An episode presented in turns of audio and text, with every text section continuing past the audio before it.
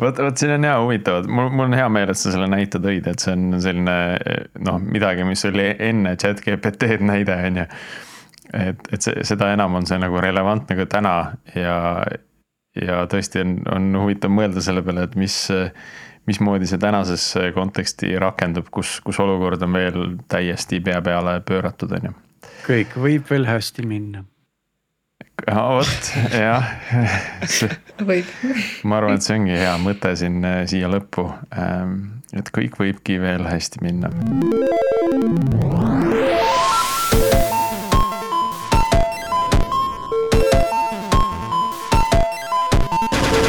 tere jälle Algorütmi kuulama, eetris on meie kahesaja kümnes episood, mille toovad teieni Pipedrive, Nortal ja Veriff.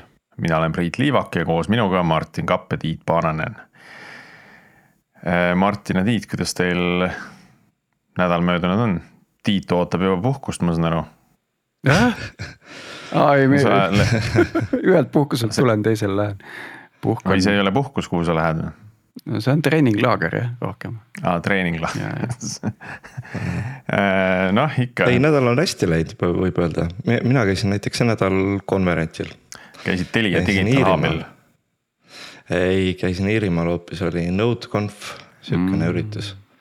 väga äge konverents, sihuke suhteliselt väiksemõõduline, aga see tähendab, et praktiliselt null reklaami esinemistes ja kõik siuksed community inimesed kohal ja, ja räägiti mm. Node'ist ja Node'i tulevikust. kas ja... Äh, leiti see üks library ka üles, mille najal kogu internet püsti seisab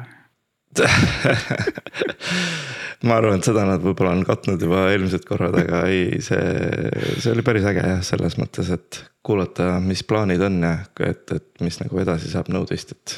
Node ikka läheb ägedamaks mm., mis on äge. hea kuulda. et, jaa. minul õnnestus käia Telia Digital Hubi konverentsil, mis oli ka päris äh, sisutihe äh, ja huvitav väga mitmes mõttes, minu jaoks esimene kogemus ähm, kolleeg eh, oli jäänud tõbiseks ja ei saanud sinna esinema minna, siis eh, palus mind. ja kui ma kohale jõudsin, siis oli sinna püsti pandud siis selline eh, noh, selline ehe poksiring, kuhu siis külalised saadeti sisse istuma ja, ja siis Johannes Tralla siis proovis peedistada igatpidi et äh, see noh, natuke nagu ehmatas korra ära, et ma ootasin, et kõik teised lavad olid sellised ilusad ja pehmed toolid olid ja siis. ja siis nüüd roni poksiringi ja istusin puki peal ja siis äh, vasta teravatele küsimustele no siis ma pean ka ütlema, et ma käisin Jaan Aru äh, loengus, mis rääkis unest ja unenägudest. ja kuidas aju neid ehitab mm. ja teeb ja päris huvitav. kõige põnevam, kõige no, põnevam oli? minu jaoks kõige põnevam on see, et et mida mul endal ei ole kunagi olnud, on see, et mõnel inimesel on niimoodi ja see täiesti normaalne, et äh, aju ärkab üles, aga keha mitte. ja siis nad ei saa ennast liigutada. seda ma olen kuulnud ka. Nad ei saa aru, kas nad tegelikult magavad või mitte ja see kõik tundub nii reaalne, sest nad tegelikult enam ei maga. aga, ja siis neil tundub keegi teine ruumis mm. -hmm. Jah. et oled nagu kuskil mujal, aga samas kohal. just, no vot nii, aga tänasest episoodist ka äh,. nagu lubatud, teeme siis äh, kahe sellise tehnilise Kubernetese episoodi vahele ühe kergema vestluse. ja tänaseks oleme kutsunud külla endale Avocado tiimi äh,, kellega räägime advokaatidest, lepingutest Avocado tehnoloogiast. Ja kõigest muust põnevast, mis sinna maailma kuulub ähm, tere tulemast ja saame tuttavaks kuskilt otsast. Mariana, alustame ehk sinust ja tere, äh, meil on äh, väga suur rõõm selles podcast'is olla ja rääkida, mis meil avokaados toimub. Äh, see oli päris huvitav intro, sellepärast et mina nagu isiklikult väga palju advokaatidest rääkida ei taha, et selle perioodi mina oma elus olen juba, ma ei tea, seitse aastat tagasi jätnud selja taha. vot nii kaua oleme juba avokaadot teinud, aga ah,. et nii villand on advokaatidest juba et... ei, see ei ole üldse villand, lihtsalt äh, äh, ma olen küll advokaat edasi ja ma olen advokatuuri liige, aga ma lähenen jah nendele probleemidele, mis mina nägin advokaaditöös täna hoopis teisest vaatenurgast ja see on nagu see koht, kus avokaado sai alguse, et sellest äh, peinist mida mina kogesin äh, advokaaditööd tehes ja mitte niivõrd advokaadina, vaid see, selles äh, vaatevinklist, et mida kliendid kogesid meie teenust saades. Et, äh, et see on see koht, kus avokaado alguse sai ja me saame pärast rääkida, et kuidas ja mis põhimõtetel me seda toodet ehitame ja, ja kellele täpselt, et, et selles mõttes väike nagu remark, et ma advokaatidesse suhtun väga hästi nii, aga Johanna jätkame sinuga. ja, et äh, mina olen siis avokaados äh, olnud äh, kõvasti vähem aega kui Mariana, mitte seitse, aga kolm aastat. alustasin üldse sellise rohkem praktikakogemuse ja natuke arenduse peale, nüüdseks olen siis avokaados product manager viimased aasta-kümme kuud ehk siis mina mässan sellega, et äh, arendajate nii-öelda töölaud oleks täidetud et nad teaks, mis tuleb, äh, teised tiimid teaks, mis me arendame, mis on töös.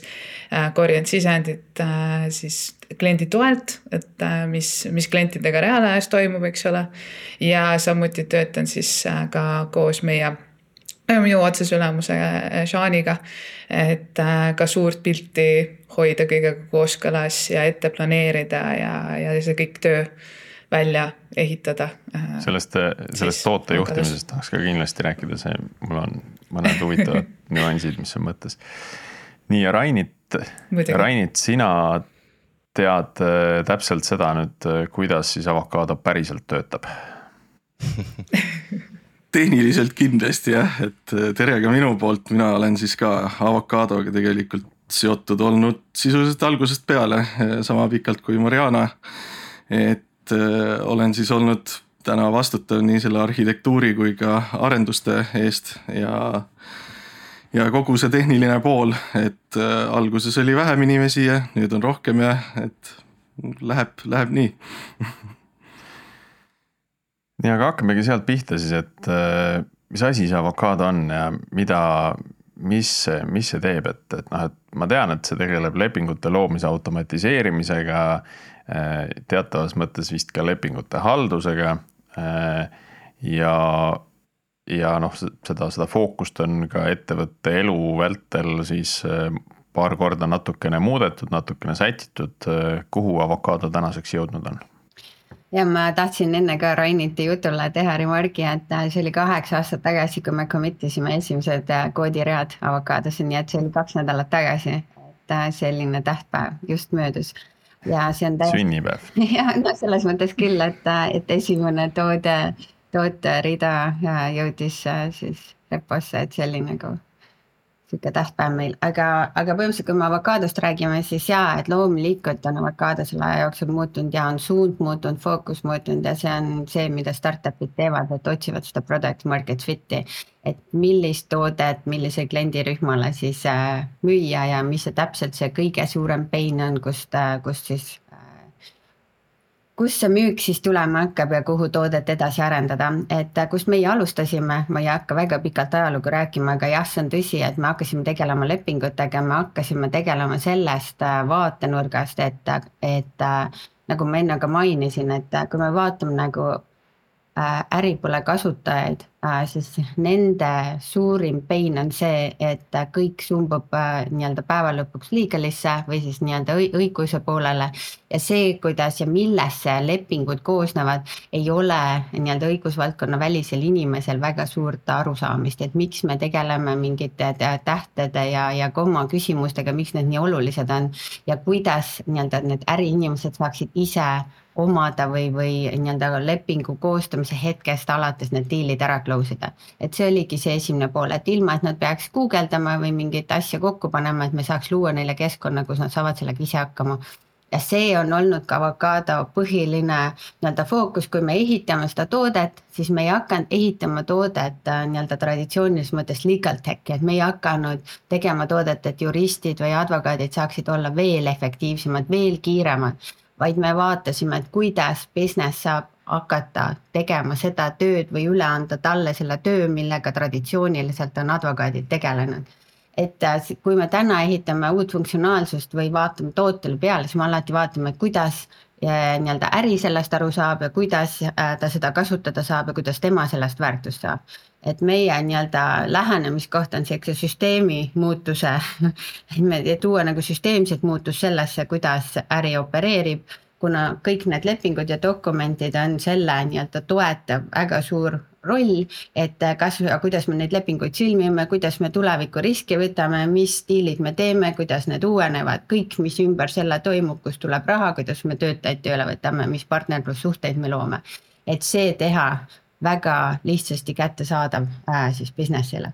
Ja kui me siis tänasesse jõuame, siis äh, meie, meie nii-öelda toode on ise nii palju laiemaks läinud, et äh, me vaatamegi neid protsesse, et kui me enne tegelesime väga palju selle kontekstiga, et kuidas see kontekst niimoodi üles ehitada äh, läbi siis erinevate klauside ja loogikapuude, et kui kasutaja seda täidab, siis juba äh, ta saab õiged äh, punktid, õiged sõnastused lepingusse, ilma et ta peaks ise seda mõtlema, ta saab teha valikuid ja ta saab äh, erinevaid nii-öelda äh, Äh, suundasid valida või, või ühest lepingu nii-öelda decision tree'st saab ehitada nii palju versioone siis, kui äh, sealt on ette nähtud aga täna me vaatame, et okei okay,, et, et me selle kontekstiga saime väga hästi hakkama ja kõik see, mis avokaadost välja läheb ja kuidas äripoole kasutajad avokaadot täna ja nii-öelda väärtust sellest saavad, see kõik töötab.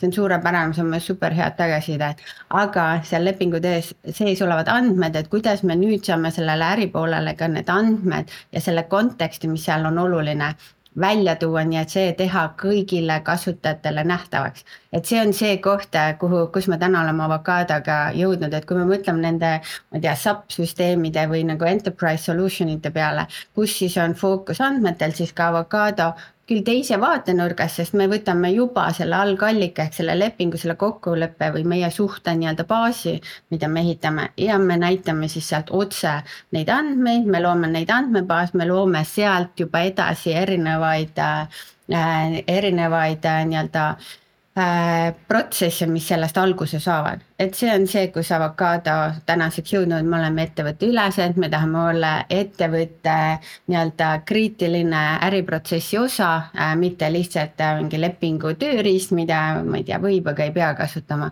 aga teha seda targemaks ja ka siduda siis äh, kõik need andmed teiste süsteemidega, mida ettevõtted juba kasutavad või tulevikus hakkavad kasutama, ehk et see avokaado siis laieneb või kasvab koos siis ettevõttega, mis nii-öelda kasvab või laieneb äh, olenevalt siis äh, tema äh, segmendist või, või kus ta tegutseb. Et meil on tänaseks kliente tõesti äh,, ma, ma arvan, et nagu absoluutselt igast äh, valdkonnast, meil on IT-pangandus, meil on äh, kogu kaubandus, tööstus teenusesektor, meil on ka advokaadibüroosid ja teid, teisi nii-öelda selliseid professional services ettevõtteid, et, et nende kõigi jaoks ja noh, me liigume ka väga palju sellise platvormi äh, peale, et me ei ole lihtsalt toode, et näed, et siin on sellist funktsionaalsust kasuta. et sa saad ise oma ettevõttele luua ja üles ehitada äh, need protsessid ja need andmebaasid, mis sinu jaoks on olulised.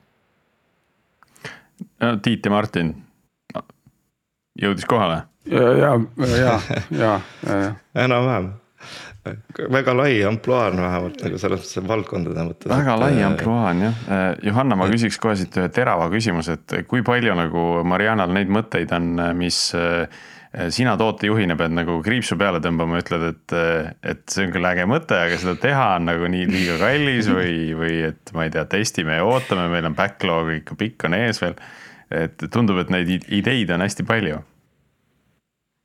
oo oh jaa, et äh, ma ütleksin, et toote, siis nagu product manager'i rollis üks asi, mille peab enda puhul nagu, mida peab treenima ja millega peab nagu harjuma, et see on su igapäev, on see, et isegi mitte ainult Mariana, vaid kõik sales'i, eks ole, müügitiimi juht, kliendi toejuht, kõik on ideede genereerijad. noh, Mariana muidugi eesotsas, eks ole. ja see on ka loogiline, äh, peabki olema sihuke visionäär. aga, aga et sa peadki tulema toime sellega, et iga idee ja iga suund, kuhu sind tiritakse, et sa nagu ise ei lähe kilekotina kaasa.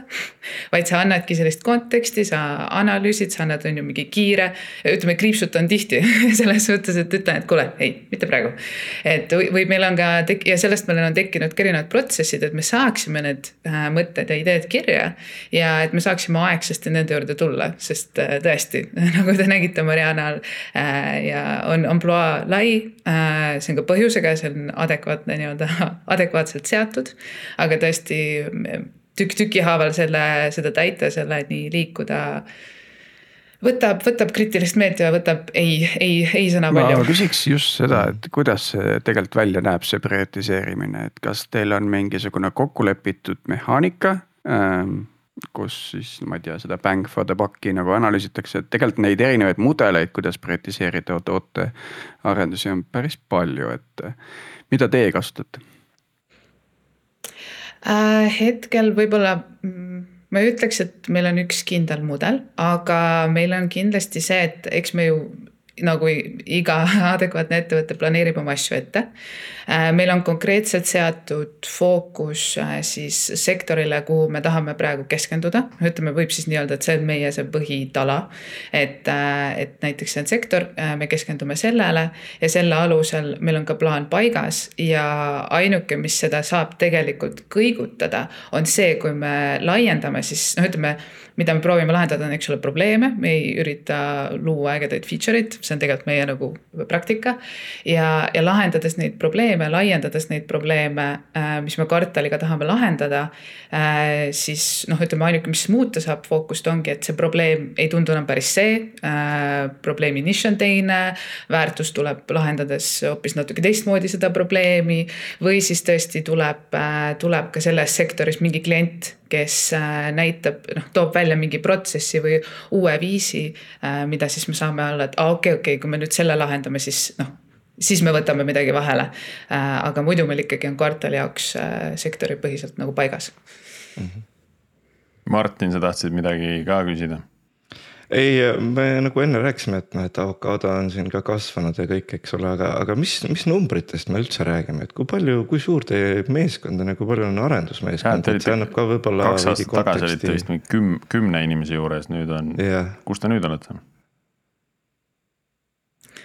Äh, ma võin võib-olla IT-tiimist kiirelt rääkida, et äh, Mariana saab rohkem, rohkem rääkida üle üldiselt aga tõsi, tegelikult kui mina rolli tulin, siis selle product manager'i rolli äh, aasta ja noh, sihuke natuke alla kahe aasta tagasi.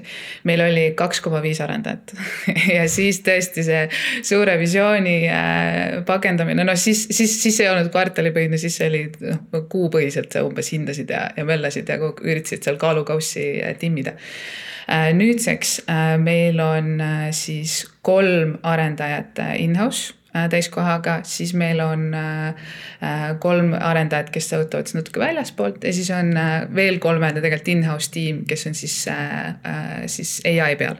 et kokku saab öelda, et on tegelikult üheksa inimest nüüdseks arenduse peal siis täiesti. vägev, see on kolmkümmend protsenti on ai peal mm. -hmm.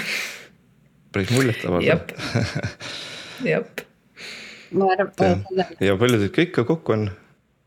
kõiki inimesi kokku on umbes kakskümmend yeah., et, äh, et okay. Äh, ja me ei, käis uudistest läbi ka, et äh, kaasasime ju uue rahastuse, Tera VC oli siis lead investor seal. ja, ja seetõttu me saime ka oma tiimi laiendada, me võtsime growth tiimi nii-öelda lõime täiesti uue growth tiimi, kus meil liitusid siis äh, kolm senior inimest äh, tiimiga ja nad tulid marketingi, growth'i juhtima ja müüki ja partnership'e. ja teine suur äh, nii-öelda liigutus, mis me tegime, oli see, et me võtsimegi tööle täiesti eraldi ai tiimi, kes siis oma nii-öelda eesmärkidega tööle hakkas ja võib-olla märkimisväärne minu jaoks selles mõttes, et, et et, et ma arvan, et see oli nagu kõige kiirem äh, tiimi kokkupanek, mida ma ise kujutan ette. Äh, ma ei tea, äh, võiks nagu, millest võiks ka rääkida, et ma ei tea, võib-olla on see ebanormaalne, aga meil oli kuu ajaga ai tiim tööle võetud ja ta hakkas tööle kuu ajaga sellest otsusest, kui me lähme seda suunda nii et kui me sai nii-öelda pärast raha kaasamist ettevõtte strateegia paika, me muutsime äh, päris palju seda, mida me tegelikult olime planeerinud äh, viimaseks kvartaliks. me analüüsisime, kus me oleme, kuidas me oma nii-öelda kasvu eesmärke tootega saame täita ja mitte nagu me ei tee toodet ja siis vaatame, kuidas seda müüa, vaid me oleme täiesti ümber pööranud kogu selle ettevõtte strateegia äh, kasvu toetama ja see toode peaks siis seda tegema, mitte vastupidi et äh, oleme siis nii-öelda tooteettevõttest äh, kasvuette peale minemas väga selgelt, et äh, siis ka meie nii-öelda need prioriteedid ja see, mida me tootega tahame see aasta ära teha, päris, ma ei tea, ma arvan, et see mingi sada kaheksakümmend kraadi. ja see oli kiire, väga kiired pöörded, ütleme niimoodi, et see oli see koht, kus ma ise tundsin, et, et see oli nagu vägev team effort, kuidas tiim töötas ja, ja me need paika saime ja ka tootes paika saime ja kõik olid super rahul sellega lõpuks ja, ja võib-olla ja ääremärkusena seda, et, et, et seda asja nagu Marianal tuleb mingi mõte, et seda, seda ja visiooni mõttes ja et ma vaatan nagu suurt ettevõtte visiooni, kuhu me jõuda tahame, aga minu käed ei ole tootes nagu selles mõttes, et need enam sinna ammu ei ulatu. et see, et founder läheb ja ütleb nii, nüüd hakkame seda tegema, et see ei käi niimoodi. et meil on ikkagi kõigil oma vastutusvaldkonnad ja kui ma nagu suurt pilti vaadates näen, et me peame äh, strateegilisi muudatusi tegema midagi, siis, siis tegelikult see tähendab kõikide erinevate tiimide kaasamist ja selle strateegia läbi arutamisele paika panemist kuni detailideni. et me ei lähe, et oo, kuulge, teeme hoopis seda ja siis hakkab äh, tootetiim seda tegema, et see aeg on ka olnud et aga seda, seda kindlasti enam ei ole minul, et ma ütlen alati, ma ei saa mitte midagi teha, see ei ole minu, minu, minu. No neid, neid häid ideid tuleb kindlasti ka tänasest äh, episoodist, näiteks äh, ka minul tuli Äh, kohe üks, üks mõte teile nii-öelda feature request'is. Äh, et kui te võimaldate äh, lepingute automatiseerimist ja, ja siis kogu seda haldusprotsessi. et kas te olete ka Pactumiga rääkinud, et, et lepingute läbirääkimist automatiseerida, et noh, tundub nagu loogiline ots, et aut-, siin nagu paneme kokku ja siis Pactum räägib nagu detailid selgeks ja siis ongi automaatselt leping valmis ma räägin, see on väga hea point, et äh, meil on päris palju küsitud, et aga mis teie vahe siis Pactumiga on? seal on äh, üks väga oluline vahe, et äh, kui Pactumi fookus on täna olnud kogu aeg sellele, et nad räägivad ja, ja nad on numbripõhised. et see läbirääkimine on tegelikult nagu historical müügi ja, ja procurement data vabandage, Pactum, kui ma milleski eksin, aga, aga ühesõnaga jaa, et nad on numbripõhised, siis meie oleme kogu aeg olnud ikkagi tekstipõhised et selles mõttes, et kui me räägime läbi, siis me räägime kloose läbi, me räägime nagu kokkuleppeid läbi. me ei räägi nii väga nagu meie toode ei ole toetanud seda, et rääkida läbi, et kas ma ostan ühikuid, nagu ma ei tea, kammi äh, hinnaga null koma üks või null koma kaks, et mul ei ole olnud seda historical data't ja me ei ole nagu, see ei ole olnud meie suund no seda ma mõtlengi, et seda, seda enam võiks, võiks nii-öelda Pactum teeb oma asja, on ju, teie teete oma lepingute asja, et et võtta, võtta nad kõrvale ja otsad kokku panna nii-öelda, et ei no ma kujutaks kohe ette, et kui Tiit, eks ole, mõtleb, et oh, võtaks nagu uue edasimüüja oma õlle, õllele, eks ole, seal. siis kõigepealt saadab Pactumi peale, Pactumi peale, kes räägib hinna selgeks ja siis te, kohe sellele otsa tuleb siis avokaado, kes teeb lepingu ära ja nii ongi. kusjuures see on väga hea point ja ma olen Pactumile ka seda öelnud, kui me oleme arutanud, et kus meie nii-öelda, et kuidas need meie ristume nii-öelda, et meie see, meie risttee on, et see ongi, et, et kõigepealt ongi see, et sa räägid läbi kõik need nii-öelda numbrilised terms'id ja need sa saad väga ideaalselt postitada äh, dokumenti ja dokument läheb ka nagu masin edasi.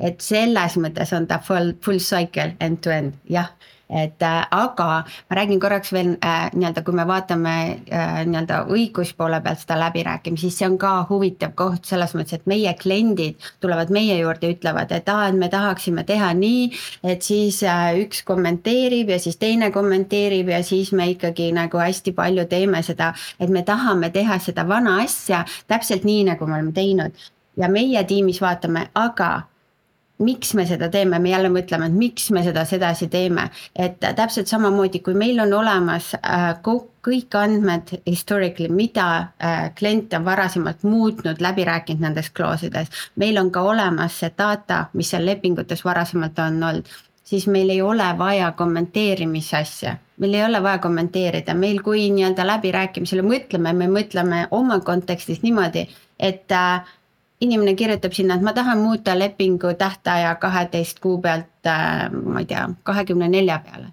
siis tegelikult süsteem võiks vabalt vastata talle, jah, panin juba ära. ei pea kommenteerima, sest see on aktsepteeritud, sest me oleme seda laiendanud või ta ütleb, see on, ma ei tea, väljaspool mis iganes äh, meie standardid äh,, selle peab looja üle Mhm. vaatama ja et ühesõnaga, seal on mingisugune ai mudel taga, mis, mis võib siis äh, hinnata tõenäosust, kui noh, et kui seda on varem juhtunud ja see on mingi praktika, et siis, siis selle võib automaatselt ära teha. jah, et me ei pea nagu minema, et oot, kuidas veel nagu rohkem nagu süsteemis vanu asju, me mõtleme, kuidas jätta mingid protsessid, me oleme õppinud sellest, kuidas ma saan selle kiiremini, kuidas jättagi see kümme sammu vahele ja tegelikult saada seesama tulemus.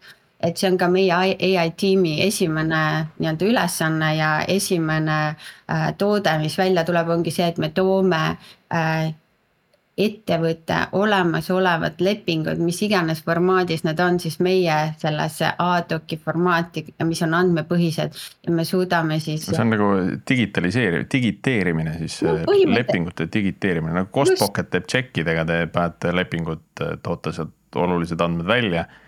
Tekib sinna lepingute andmebaas. Just, et aga ta ei too lihtsalt mingi üldse, too, need on kõik meie lepingud. me lähme ikkagi ka veel täpsemaks, sellepärast et me tahame olla ka selles osas targemad, et me ütleme, et näiteks, et need on kõik äh, meie äh,, ma ei tea, ostud või müügilepingud. siis meil mm -hmm. on seal oma nagu data layer ehk et ja oma need andmed, mida me tahame koguda, nad ei ole ainult andmed, aga me vaatame ka konteksti ehk et, et kas see, kas see leping on, ma ei tea, leppetrahviga, kas tal on mingi teine jurisdiktsioon, midagi midagi, mis on väljas sellest standardist, siis me oskame ka neid välja lugeda nendest lepingutest ja sa saad jah, nagu full andmebaasi sinu kõikide nende erinevate erinevate operatsioonide osas, et see on see väärtus, mis sealt tuleb. ja noh, kui me. mulle tundub, et, et, et seda nagu lõpuni tajuda, siis peab seda katsetama, et peab sinna mingid lepingud sisse panema, siis, siis sa näed nagu, et siis, siis tekib wow, see yeah. mõistmise efekt on ju absoluutselt, et, et seal ongi, miks see väärtus lõpuks tuleb, on see, et, et kui me sedasi sellele läheneme ja see suund, mis me täna võtnud oleme, siis me saamegi anda äh, sellele nii-öelda jällegi selle business user'ile äh, seda input'i, et, et kuidas tegelikult, mis nendest lepingutest, mida me täna sõlminud oleme, kas need andmed on olemas, kas neid punkte on kunagi sisse pandud, kas need on läbi räägitud. ehk et seetõttu meil ei ole vaja teha nii-öelda, me, me saame teha tegelikult sama asja, mida teeb täna Pactum, eks ju, aga me saame teda ka kontekstipõhiselt teha mm. -hmm. räägime tehnoloogiast ka. Rainit, kuidas avokaado nende aastatega muutunud on? et algas noh, seitse aastat tagasi tehti lihtsalt monoliiti. on, on seal nagu midagi täiesti ümber kirjutatud, mis juhtunud on? ja noh, suht väike täiesti tiim, eks ju. kirjutatud et... ei ole et, et seal mm, oleme muutnud küll infrastruktuuriliselt päris palju just selleks, et tagada skaleeruvust ja tulla ka nende uute ütleme siis tootenõuetega siis kuidagi, kuidagi paremini toime, et noh, näiteks on siin, et, et oleme kolinud ikkagi väga palju asju lihtsast VPS-ist ära cloud'i. et oleks nagu parem skaleerida ja kõike sellist asja teha, aga selline baasraamistik, ütleme programmeerimiskeele raamistik on täpselt sama, mis, mis ta oli seitse aastat tagasi, loomulikult on, on versiooni uuendusi tulnud ja kõike, aga täna ta niimoodi ka toimib, et monoliidist natukene oleme, ütleme siis eemaldunud, noh, mitte väga palju selles suhtes, et ei ole selline süsteem, et jah, pigem jah, ütleme niimoodi, et siukseid tuhandeid mikroteenuseid ei ole, et pigem üritame kuidagi moodulite põhiselt läheneda ja täpselt, täpselt nii palju, kui on vaja tõsta kuhugi mujale mm. -hmm. üks, üks asi, mis mulle äh, avokaado ka kodulehel siis silma jäi, oli tegelikult see andmetega ühendamise võimalus. et noh, siin on väike pildike, kus on kenasti on Salesforce, Slack Google Drive on ju, et kui palju neid integratsioone on ja, ja Rainit, kas, kas see on näiteks üks, üks asi, mis võiks olla nagu avokaado selline tehnilise poole nagu väljakutse, et. et noh, kõikide, no tean omast käest, et kui, kui need on juba nagu kolm, siis see on nagu hallatav, kui need on juba viis, vaata. siis ühel hetkel nagu tekib see risk alati, et keegi teeb midagi ringi ja siis sul on kõik katki noh mm. -hmm integratsioone on meil kindlasti üle viie et, et neid ikka on, aga mida me tegelikult ka teeme, mis, mis oli natukene selline ka see aasta muudatus, et me läksime oma integratsiooniga ka natukene sellise keskse süsteemi äh, teed, ehk siis äh, kasutame sellist äh, agregaator vaheteenust, ütleme siis niimoodi. et Aha, kas see, kas see on midagi, mis on see, mida meie kasutame nagu. mis asi? ei, teenus, API-tekk. API, API-tekk. API-tekk, jah et aitab siis lihtsamalt ära integreerida need erinevad äh, keerulisemad liidestused, näiteks nagu Salesforce ja, ja, ja mis iganes seal veel tuleb, Personiad ja kõik sellised. et, äh, et ise hakata neid kõiki haldama ja tegema on lihtsalt ebamõistlikult kulukas mm. -hmm ja see on jah, et äh, see suund tegelikult on meil võimaldunud ka neid integratsioone niivõrd palju rohkem ja kiiremini oma klientidele tuua, sellepärast et kasutataksegi väga palju erinevaid tehnoloogiaid. Äh, kasutatakse HR-is, äh, müügis ongi, et, et et iga klient tuleb, oo, et kas ma tahan integreerida, noh, ongi, et kui me vaatame seda ökosüsteemi, mille, milles siis meie kliendid opereerivad, siis üsna tihti tulebki see, et on, on, ma ei tea, Bamboo HR ja müügis me kasutame Salesforce'i, aga noh, on ka Hibobi tuleb ikka, et päris palju neid, et kuidas me saame kiiremini oma klientidele need integratsioone pakkuda ja, ja see oligi siis Apideki idee, et me ei pea ise haldama nagu neid baase seal, vaid me saame nagu väga kiirelt äh, need integratsioonid äh, laivi panna mm. -hmm. ja kliendid äh, ise siis saavad ühendada väga lihtsalt nagu meie platvormil need andmeväljad, mida nad tahavad siis ja et nende süsteemid omavahel suhtlevad. Rainit, äh, lepingute puhul tundub selline äh, andmete püsivus üsna oluline teema. et kuidas, kuidas see nagu lahendatud on, et kas jooksevad lihtsalt kuskile pilve object storage'isse kokku või, või on midagi muud seal taga? Jah, eks see andmemaht kasvab märkimisväärselt kogu aeg. Et äh, ikkagi pilve jah, et on nii object storage kui ka MySQL ja, ja on neid andmebaase küll, et siin mõtleme ka hetkel natukene uuendamisi ja struktuure välja, kuidas seda veel paremaks teha, aga, aga jah, et ütleme, meie kasutame põhiliselt jah, sellist MySQL-i ja object store'i mm,. aga nüüd äh, ma, ma tean, et äh, avokaado hinnastamine on kasutajapõhine. et kui ma nüüd teen endale kasutaja ja ütlen, et mul on kõik lepingud, kus on äh, neli videot sees ja noh, fail on nagu kümme giga suur, et see ilmselgelt ajab teil nagu veidikene selle, selle salvestusruumi nagu lõhki, et kuidas te selliste juhtumitega toime tulete või on, võib-olla, võib-olla ei olegi üldse probleem, et meil siiamaani jah, selliseid video üleslaadijaid väga ei ole olnud, et ikkagi on business kasutajad ja üsna tavapärane, aga meie hinnastamine on ka päris palju muutunud. et äh, ma võib-olla hetkeks puudutan seda ka, et kui me vanasti tõesti oli nagu põhiliselt hinnastasime seda, äh, kes siis oli lepingu koostaja või nagu main user'id, et need, kes äh, algatasid siis neid töövoogusid Avocado platvormil, et nemad olid siis meie maksev klient või siis maksev kasutaja siis täna, äh, kuna meie oleme läinud seda suunda, et Avocado Workspace on selline connected äh, workspace, kus me, kus me siis nii-öelda erinevaid töövoogusi suhtleme osapooltega väljapoole ettevõtet, ettevõtte sees. ja me nägime, et need connection'id nii-öelda erinevatesse ad-hoc idesse, see on see koht, mis väga palju kasvab me tahtsime ka oma hinnastamise viia nii-öelda skaleeritavaks, et me hinnastame tegelikult neid nii-öelda kõiki connection'id, kuhu avokaado siis levib et ehk, et näiteks, et kui mul on. ühenduse põhine. just, et, et me, see on, me ei, me ei küsi raha äh, allkirjade eest äh,, mingeid API-de integratsioon millegi eest, me tahame, et avokaado levib, et päeva lõpuks oleme nagu connected nagu iga inimesega äh,, kes siis, kes siis äh, nii-öelda tsiviilkäibes osaleb. et põhimõtteliselt ja, et see on need äh, kohad, kus, kus siis meie, meie, millest meie raha võtame, et kui sinul on äh, ettevõtte workspace ja sul on näiteks kolmsada töötajat ja siis sa teed äh, lepinguid, äh, ma ei tea, tuhande ette. ja, et kui ma teen ainult sõbraga lepinguid, et siis, siis ma maksan põhimõtteliselt kahe ühenduse eest ja, äh, kogu aeg, kogu aeg vahetan kahe inimesega lepinguid. jah, siis on kaks ühendust, aga noh, siis sa meie nagu väga klient ei ole. ja siis vist ei tasu ära see tasuvuse kalkulaator oli ka seal, see oli ka selline huvitav kodulehel ma vaatasin, et kui on umbes sada lepingut, et siis senikaua läks see tasuvus ülesse. noh, selles mõttes, et tasub kiiremini ära, aga sealt edasi siis hakkas juba alla minema, et, et siis, siis läks see protsent nagu väiksemaks, et siis tasub, siis läheb kauem aega, enne kui see ära tasub. no ilmselt sellesama pärast, et, et siis neid ühendusi on ka juba rohkem, on ju. siis hind läheb ülespoole. nii, aga äh, tahaks kindlasti ai poolest ka rääkida, et Johanna, mis teie ai tiim teeb? Äh, nad äh, selles suhtes ongi üsna värskelt tulnud, nagu juttu oli, et, äh, et nemad siis kolmekesi tegelevadki sellega, et me saaksime siis nagu see Mariana siin rääkis tegelikult selle idee lahti.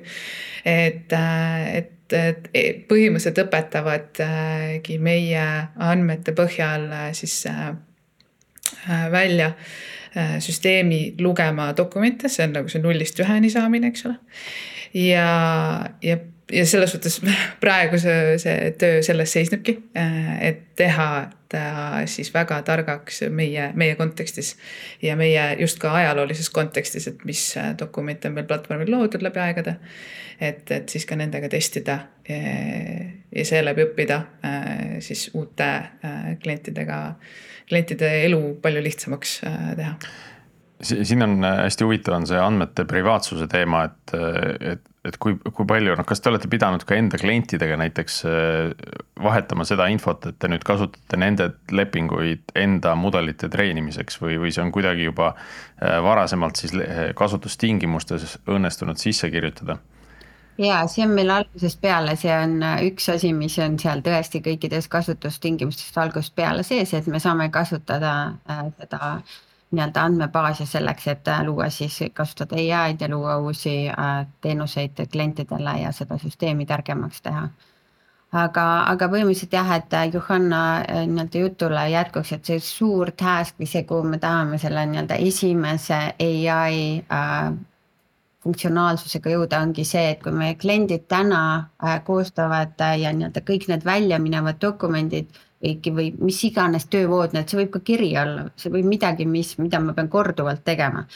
ja selleks on dokumenti vaja, siis, äh, siis see töötab väga hästi. meil on andmed olemas, meil on andmebaas olemas, me teame kõike, mida nad teevad sellega seonduvalt. aga meie klientidele see tegelikult nendes, nende operatsioonides moodustab võib-olla, ma ei tea, kakskümmend, kolmkümmend protsenti, aga siis on elu enne avokaadot ja siis on äh, nii-öelda väljast tulevad äh, dokumendid, mida klient ise ei koosta. ja meie enda eesmärk ongi, et kuidas seda pilti, et ütleme, et kui see on nagu sihuke digitaalne map või andmemäpp, et kuidas see suuremaks teha, et sealt see tarkust hakata edasi ehitama kliendile nii-öelda tagasi andes et ehk, et ilma selleta, kui me seda täielikku nii-öelda vaadet või map'i ei ole, meil on väga keeruline teha.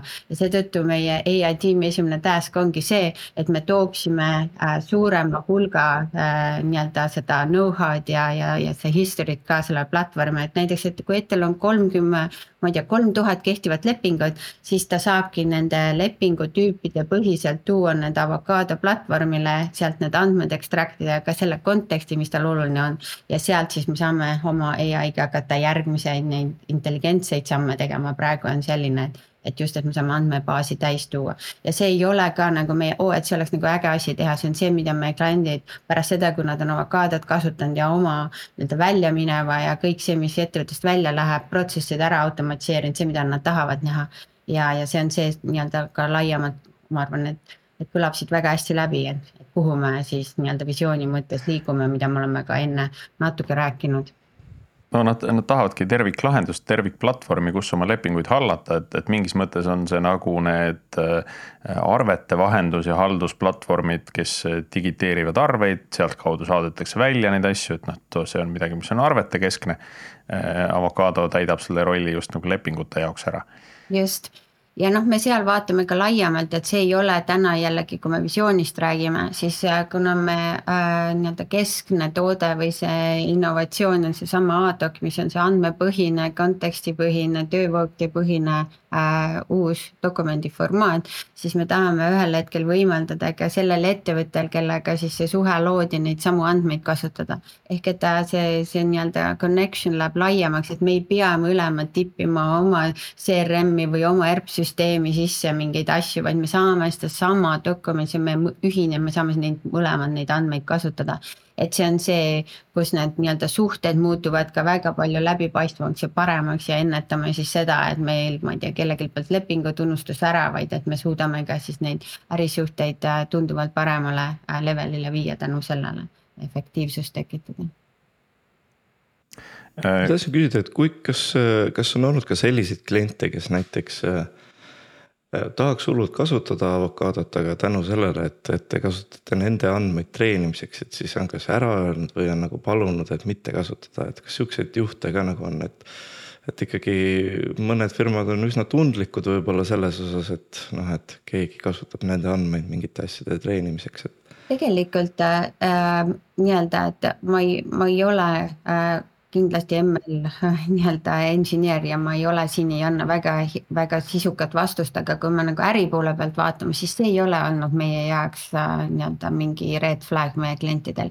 et võib-olla mul tuleb meelde, ma ei tea, üks klient, kelle jaoks me oleme sellel teemal arutanud või rääkinud, et, et aga, aga kui me täna vaatame, see nii-öelda kuidas me sellele läheneme, siis me ei lähe, et me ei võta kõigi ajal klientide lepinguid, siis ikkagi igaühel on oma workspace ja me treenime tema enda jaoks, tema enda lepingute mm. sisestamisega, et me ei tee seda, et, et meil on mingi risti-rästi kõigi. ikkagi see ettevõte saab enda ai põhimõtteliselt, tema ise, tema enda nende andmetega töötab tema workspace mm. -hmm. Rainit, kuidas see tehnoloogiliselt seda elu keerulisemaks teeb, et noh, kogu see, kogu see mudelite haldus tuleb sinna juurde veel siis no eks ta ikka teeb, aga, aga me tegelikult juba täna põne, tegelikult hoiame kõiki andmeid lahus. kindlasti ka põnevamaks, aga jah, täna me hoiame ka tegelikult kõiki neid andmeid klientide lõikes lahus, et iga siis see nii-öelda space'i klient on täitsa mm, ütleme, sihukese eraldiseisva andmebaasi või storage'i või mis iganes asja otsas. et see muidugi mm, lihtsustab natukene ka seda, et need mudelid saab ka eraldi hoida ja eraldiseisvalt käima panna aga mis meil veel nagu keerulisemaks seda asja teeb ütleme siis põnevamaks, on, on see, et meil tegelikult peab see platvorm töötama ka cloud'ist väljaspool. et äh, meil on ka vaja on-premise nagu sellist äh, võimekust siis. Ehk kõik, mis me ehitame ja mis me teeme, et peab olema kasutatav siis äh, nii cloud'is kui ka siis on-premise'is. Ja see, see võib-olla on see kõige suurem keerukus asja juures kuidas sa seda siis teed? kuidas te seda pakute, kirjutate Helm faili ja sama küsimus vist Tiidule, et kuidas seda teha siis? no põhimõtteliselt, et äh, Docker on meil et paneme nii palju asju Dockerisse, kui vähegi saab ja, ja loomulikult on ka Helm ja Kubernetes. aga Dockeriga on hea lihtne selles mõttes, et annad kliendile Dockerid kätte ja kirjutad õpetuse, kuidas käima panna, sest ega meie nendele keskkondadele ligi ei saa, kus nad seda teha tahavad. ja siis peab see olema hästi selline konkreetne ja läbipaistev ja, ja selge, et kuidas nad selle kõik käima saavad panna ja no eks see teeb keerukamaks ka reliise. et kõik peab olema hästi no, läbimõeldud, testitud ja kõik need skriptid ja just, just, kuidas, kuidas te tagate selle, et klient üldse neid reliise endale peale paneb, sest ma olen noh, sarnase mudeli puhul olen nagu kuulnud seda, et, et, et see on nagu väljakutse, et sa võid saata neile klientidele selle teate välja. nüüd on uus versioon, siit saate image'id kätte ja siis ühel hetkel kolm kuud hiljem nad tulevad tagasi, et kuule, see ei lähe nüüd, see uus versioon ei lähe peale ja siis avastad, et noh, neil on vahepeal nagu mingid viisteist uuendust tegemata jäänud üldse ja siis noh, see on see põhjus no ma ütleksin, et äh, siin aitab vist kõige paremini inimlik äh, lähenemine, et äh, meil on vedanud ka sellega, et kes meil on-prem'i kasutavad. esiteks nad on ise huvitatud, ilmselgelt meil on ka täpselt siukseid pause vahele tulnud, et nad tulevad tagasi ja küsivad, et kuulge, mis nüüd saab, kui me paneme neli, nelja asemel paneme veel selle viimase peale, on ju. et aga mis, kuidas me olemegi lahendanud, on tegelikult ka pulsil hoidmine, et meil on siis planeeritud äh, demod ja õpetused nagu iga reliisi järel. sest meil on noh, ühesõnaga, et aasta reliisi kalender on teatud mõttes paigas, et me teame, äh, kuna mingid uuendused tulevad noh, iga kuu, eks ole, naturaalselt niikuinii, siis meil on paigas äh, nendega nii-öelda siis meie pool, meie keskkonna pool siis asjade demomine. ja seeläbi see hoiab neid ka vastutavana ja aitab neil hoida protsessi, et nad panevad uuenduse peale. sest et noh siis nad õpivad esiteks, esiteks nad saavad üldse ju sisuliselt aru, mis nad peale saavad palju paremini ja seeläbi ka tahavad seda uuendust palju paremini mm. -hmm. no mõnes mõttes on see selline äh, Pipedrive'i mudel, et igaüks on oma selles enklaavis või oma nagu liivakastis äh,. Martin, teil vist ei ole üldse nagu sellist äh, on-premise'i varianti olemaski meil ei ole jah. see teeb liiga keeruliseks. õnneks me ei pea sellega muretsema jah et äh, aga kas seal nagu noh, mingit, mingit meetrikat nagu tagasi ka jookseb nagu teile üldse või, või need paigaldused ongi nii eraldiseisvad, et te isegi ei tea nagu, mis versioon seal üleval on. Äh, kui palju seda kasutatakse, et, et nad on noh, täitsa isoleeritud meil on. Äh, täiesti isoleeritud. meil on nii top see confidential need kliendid, kes sellist lahendust tahavad, et noh, üks ongi, mis on ka avalikult läbi jooksnud, meil on Riigi Kaitseinvesteeringute Keskus on üks selline klient. ja nende perimeetrisse me tõesti, meie, meie käed ei ulatu mitte kuidagi, et me ei tea mitte midagi, et see ongi see, et noh, et ütleme niimoodi, et tavaline ettevõte, noh pankadel tuleb ka seda teemat üles, aga tavaline ettevõte, neil ei ole nagu seda on-prem'i ja me ei paku ja see ei ole äh, meie nii-öelda kindlasti see, mida me müüa praegu nagu väga tahaksime, vaid ikka oma põhitoodet. aga kui meil tulevad sellised äh, suuremad äh, nii-öelda hanked või, või küsimised, et me tahaksime teie toodet, aga me äh, ei saa cloud'is võtta, noh näiteks oli sarnane teema, me tegime Taani kaitseinvesteeringute keskusele pakkumise, mida me ei võitnud, jäime teiseks Accenture'i järel null koma punktiga. aga nendele ma oleks ka pakkunud sarnast toodet, et noh, nad ei saagi võtta ja kuna ta on meil juba olemas, siis põhimõtteliselt. et ei oleks meie jaoks nagu, ei komplitseeriks nii-öelda topelt seda, et aga, aga põhimõtteliselt jah, et. et, et me tõesti, äh, need on, need on sellised kliendid, kelle enda, enda turvanõuded on lihtsalt mega suured aga noh, seda mm. kuulates äh, tundub, et äh, kolm arendajat on ikkagi nagu vähe, et äh, et noh, kõik see arendusfeatuurid pluss kogu see DevOpsi pool ja operations'i poole haldus sinna otsa, on ju, et et pilvekeskkonna haldus, erinevad keskkonnad ja liivakastid igale kliendile. noh, Martin teab väga hästi, kui, kui keeruline see on juba, on ju. ja pluss siis sellise on-premise'i asja haldus, et noh, kuidas, täna tunne on, et kas, kas on nagu kolmest vähe või, või, või ma siin mõtlen üle kuidagi? Mm. alati on vähe, selles suhtes võib vist kõik kokku leppida et ja, et, et kindlasti võib-olla ütlen avasen ära, et, et see oli ka üks põhjuseid, miks ma kindlasti tahtsin, et Rainit meiega täna ühineb, sest tema ju aitab tehniliselt seda, seda asja üleval hoida, eks ole.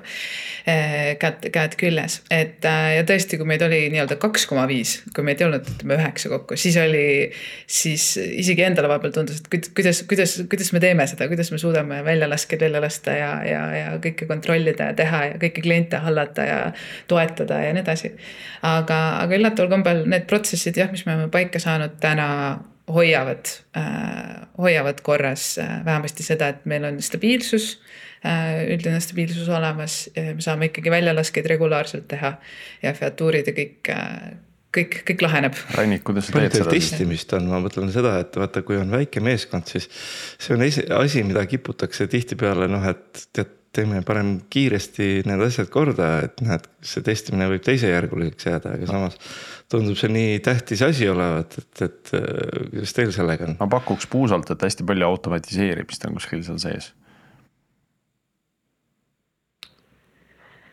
no äh, selles suhtes hetkel meil on ikkagi rõhk veel manuaalsel testimisel mm. -hmm. ehk siis meil on, meil on seal nagu see põhi, põhi ütleme siis jah. põhi, põhitöö käib selliselt, aga me olemegi saanud endal süsteemid selles suhtes nii kuidagi protsessid nii heaks, et selline üldtöökindlus, põhifeatuurid, mida on vaja praegu tõesti, tõesti toimib ilmselgelt automaatika on meie järgmine nii-öelda suund, mida võtta. ja nüüd, kus meil tegelikult ongi äh, tiim palju kasvanud äh, viimase ajaga, siis, siis ongi, tekib seda natuke seda ruumi, et, et et saab hoida need põhiasjad töös, featuurid, kõik meie eesmärgid töös, aga ka ehitada siis, ehitada kõrvalt. ja tegelikult me oleme ka toorelt teinud seda, et äh, vist on, ma arvan, et see on ikkagi suurem praktika ka, et kogu tiim võtabki fookuse siis äh,, fookuse siis TechDebtile ja, ja mingi periood aastast äh, tegeleme sellega, sest noh, meil lihtsalt pole palju inimesi ja me peame mm. tuimalt otsustama, et nüüd me teeme nii Rainit, on sul midagi lisada, mingi oma salanipp, millest ülejäänud tiim võib-olla ei teagi? Code review jah Code review'd jah, code review sid teeme ka jah. Et, et jah, eks seda automatiseerimist lihtsalt tuleb ka teha, et loomulikult nii ütleme väikse hulga inimestega selliseid väga rangeid protsesse ja väga keerulisi protsesse nagu paika panna on, on ka keerukas. aga ikkagi noh, näiteks kasutame ka Teamsitit mingite deployment ite automatiseerimiseks ikkagi sellised asjad on olemas ja see ikkagi lihtsustab. ja väga täpselt eh, iga siis tarne jaoks on vaja ka dokumenteerida, et mida on vaja teha, kus kohas on vaja teha.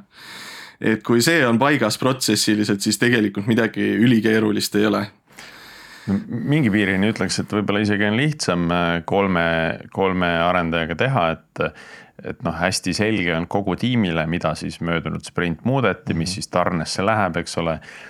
Äh, ja, ja ka seda võib-olla dokumenteerimise distsipliini on ehk lihtsam hoida nagu läbi selle, kui, kui arendajaid oleks kakskümmend viis, et siis, äh, siis see asi läheb nagu palju hajusamaks ja sa pead hoopis, hoopis nagu rohkem äh, toetuma sellele, mida nad teevad ja ma ei tea, protsessiliselt seda kvaliteeti üritama parandada, on ju. seda kindlasti jah, et, et kuigi see väike kogus on äh, ilmselgelt äh, omade raskustega, siis jah äh,, teatav käsi pulsil on, hoida on palju kergem äh, nii läbi, seda peab ütlema. ja kindlasti väga suur pluss, äh, mis aitab, ongi see lähedane, hästi vahetu ja sihuke lähedane suhtlus kõikide arendajate vahel. ja ka meil nii-öelda ülevalt poolt või siis nagu jah, selliste otsustamiste poolt arendajatega, et, et ikkagi, et iga iga siis, iga jupi eest vastutav inimene ka teab, miks ta seda ehitab, mis on see väärtus, mis on see fookus, mis on see põhivalu, mida ta lahendab.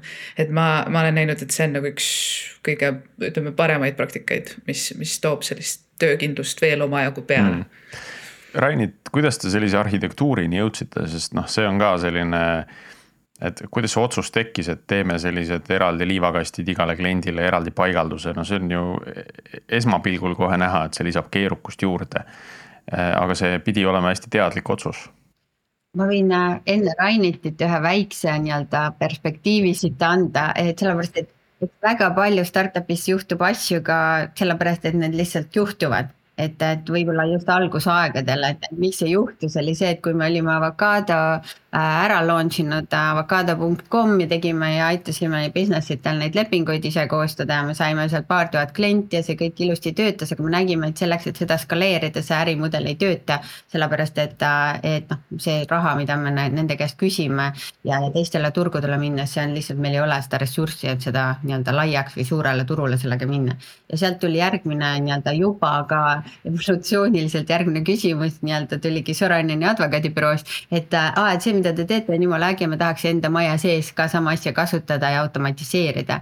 ja siis me tiimiga nii alguses, kui me olime, mõtlesime, oota, kuidas me saaks, et me saame nendelt ju umbes sama raha, mis me saame kogu sellelt äh, .com'i äh, nii-öelda klientidelt. et oo, väga äge, et, et testime, et kuidas me saaks talle anda sellesama asja kasutada, mis meil on juba üleval. ja siis me tegime sellest põhimõtteliselt koos utoopia ja lõimegi selle esimese nii-öelda space'i äh, ja noh, sealt hakkas juba elu nagu edasi minema, et Rainit sa võid edasi rääkida, aga lihtsalt, et, et see ei olnud nagu nii, see oli rohkem äriline kui tehnoloogiliselt teadlik otsus, et oo, et lähme seda suunda, vaid et see oli see, mida kliendid nagu hakkasid meilt tahtma ja, ja, ja pärast hiljem on see ka see, et me saame nendele oma branding uga, oma database dega, see on nagu meie hästi sihuke forte jällegi, et kui me võrdleme oma konkurentidega kuskil, et. et kuidas me saame kliendile pakkuda äh,, pakkuda seda ja noh, me olime ka päris suures hädas, kus me läksime Moon Cascade'i juurde, et aidake meid nüüd, sest me enam ei suuda neid niimoodi eraldi hallata.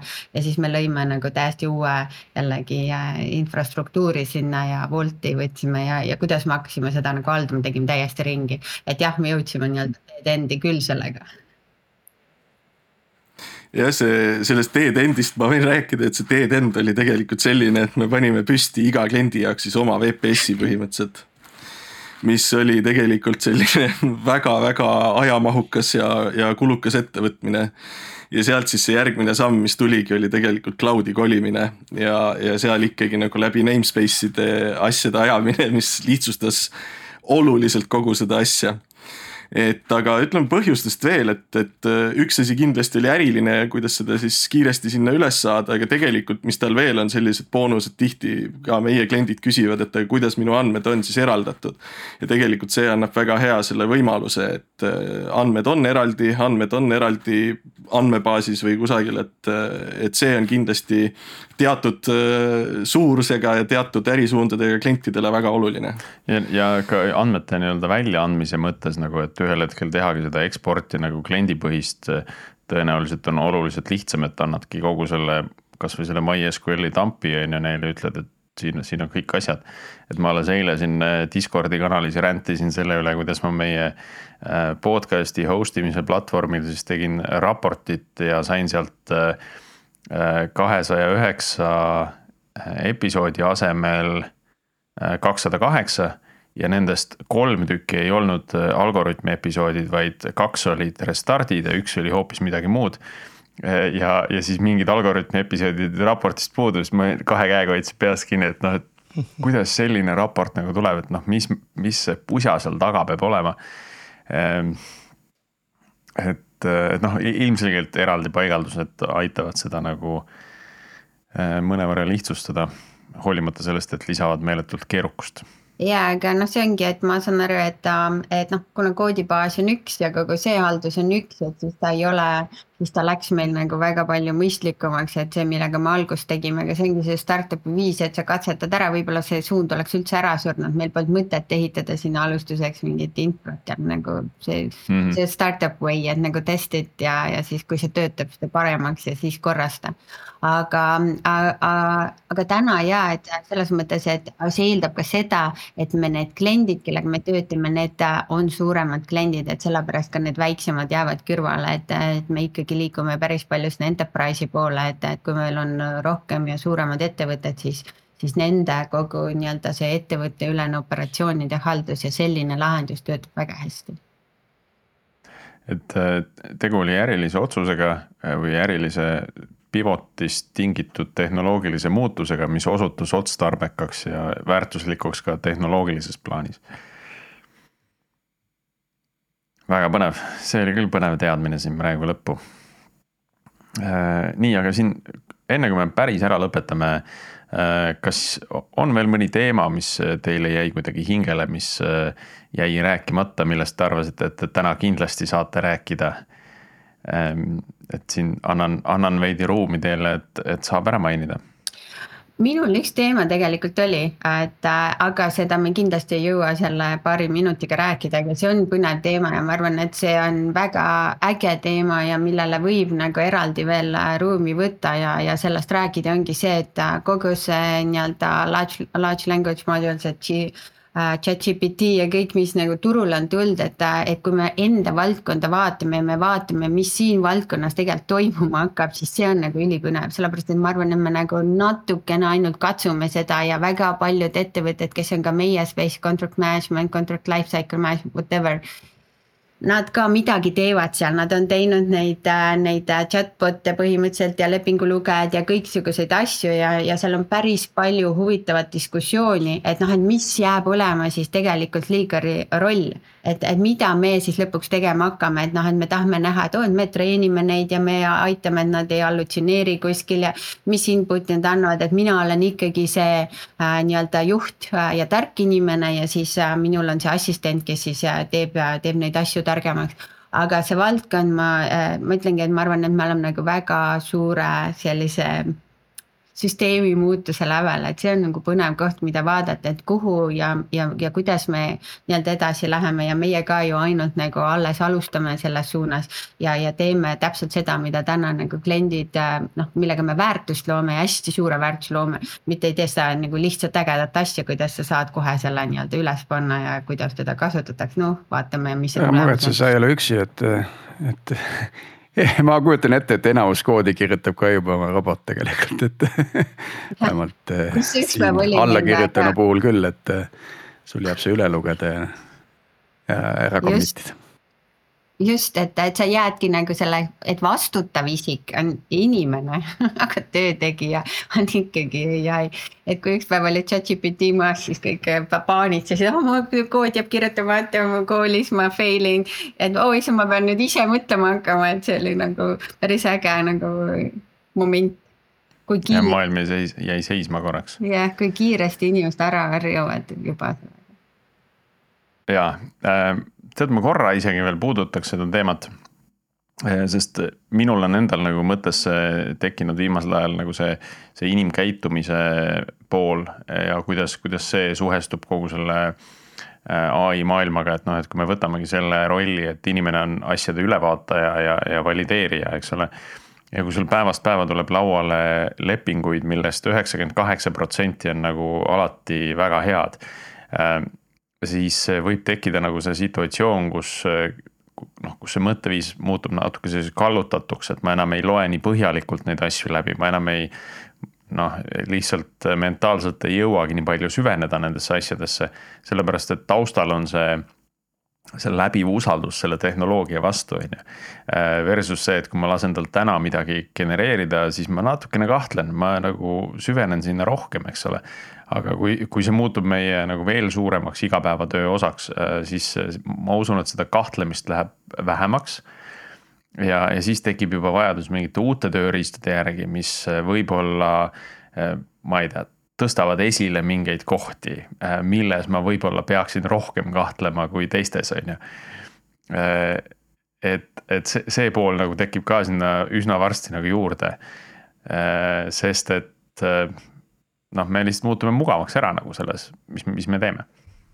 no aga kas sa ei räägi mitte noh, põhimõtteliselt tehnilises mõistes nagu code review'st, et sa võtad ühe chatbot'i, kes kirjutab sulle ja teise, kes review b seda. jah, just ja, ja tegelikult seda räägitakse hästi palju nagu ai mudelite puhul ka, et, et sa, sa tekitad endale selle äh, selle kontrollija äh, mudeli ka sinna juurde ja siis mm. -hmm siis veendud selles, et, et, äh, et, et seda kontrollijat kasutab inimene selleks, et seda tulemust valideerida.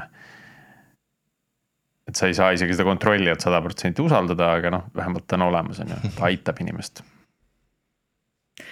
eks ma arvan, et need avalikud nii-öelda laksud, mis on ka ära käinud, eks ole, kõik teavad seda kuulsat kohtujuhtumit, eks ole, kus, kus kasutati chat GPT-d ja kohe alguses, et, et ma arvan, et esiteks on need avalikud sellised äh, prohmakad, mis õpetavad inimesi ja tegelikult mulle vaikselt tundub, et kuna ai on inimeste poolt loodud, seega ai saab teha ka inimlikke vigu, sest inimesed on ta treeninud siis võib-olla äkki loodame positiivses häälestuses, et see just paneb meid rohkem oma peaga mõtlema ja rohkem äh, nii-öelda annab vaba ruumi kriitiliselt suhtuda nendesse tööriistadesse, mis meil täna nagu laual on ja kasutuses on. no eks ainult aeg näitab, kuhu poole see läheb, et loodame, et läheb sinna, sinna positiivsesse suunda ja mina võin ühe siia lõppu võib-olla mingi ägeda näite tuua, äh, mis ma ka enne mõtlesin, et mul tuli meelde, enne kui ma mõtlesin selle tänasele podcast'ile, et kui me avokaadoga alustasime ja Sorainen oli meil juba klient ja me tegime roadshow Soomes äh, nende suurimates äh, advokaadibüroodes ja see oli väga põnev. Ja siis sellist simple automation, et see, kuidas on nii-öelda keerulised lepingud ja kõik need eri asjad, mida tegelikult loojar peab meeles pidama, et kui on see, siis kustuta sealt see ära, kirjuta see jutt, on ju, see on tema peas, aga meie panime selle nii-öelda äh, konteksti, me automatiseerime selle ära. Ja kui me läksime, istusime ühe suure M&A transaction advokaadibürooga ja saime siis tagasisidet, kas nad võiksid seda efektiivsustööriista enda majas kasutama hakata, siis nad ütlesid, ei no tagasiside on selline, et me kardame, et äh, meie loojarid lähevad laisaks. Äh, nad ei mm., nad peavad selleks, et seda dokumenti tegema, lugema ennem sadu uh, shareholders või share purchase agreement'i läbi, aga siis nad ei tee seda enam. õpiprotsess käib niimoodi, et aga mis nüüd saab see, meie nägime, et õpiprotsess oli tänu sellele nii palju kiirem, sellepärast seda nägid kohe seosed ära, et kui ma seda muudan, siis juhtub see, siis ma pean sellist asja tegema et me kiirendasime vastupidi õpiprotsessi, aga siis kardeti nagu sellist simple automation'it võtta kasutusele, et äkki inimestel on liiga kergelt läheb see töö, et see peab raske olema. et vaata, mis nüüd, eks ju, et nüüd ma ei pea mitte midagi enam ise mõtlema, et, et ma ei tea, mis saab vot, vot siin on hea huvitav, mul, mul on hea meel, et sa selle näite tõid, et see on selline noh, midagi, mis oli enne chat GPT-d näide, on ju. et, et see, seda enam on see nagu relevantne ka täna ja, ja tõesti on, on huvitav mõelda selle peale, et mis, mismoodi see tänasesse konteksti rakendub, kus, kus olukord on veel täiesti pea peale pööratud, on ju. kõik võib veel hästi minna. vot jah võib. ma arvan, et see ongi hea mõte siin siia lõppu. Ähm, et kõik võibki veel hästi minna. nii, aga aitäh teile tulemast, äh, oli hästi põnev vestlus, aitäh ka meie kuulajatele teen veel siia lõppu üleskutse, et liituge ikka meie Discordi kanaliga. liitumislingi leiate nüüd ka meie äh, podcast'i siis kirjeldustest äh, erinevates kanalites, nii Spotify's kui, kui äh, ka Youtube'is.